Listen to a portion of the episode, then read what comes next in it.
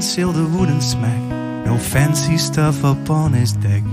He floated off to open sea, as free as he could ever be, with a compass and a square. In God and silent prayer, surrounded by the well known fleet. No need to hurry or compete. He managed to defy the waves with steady hand and easy pace, fearless, a fighter of the sea. His oldest son would lend a hand. He drank and smoked his favorite brand all day long upon the deck in wooden shoes and turtleneck.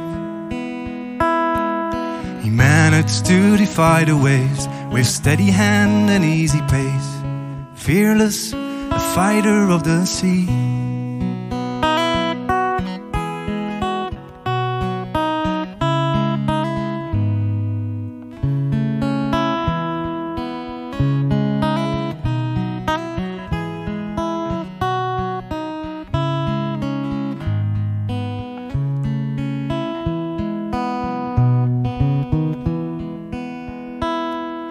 Nowadays, this modern fleet, a wheelhouse with a leather seat, the good old time they will forget. I would go back with no regret.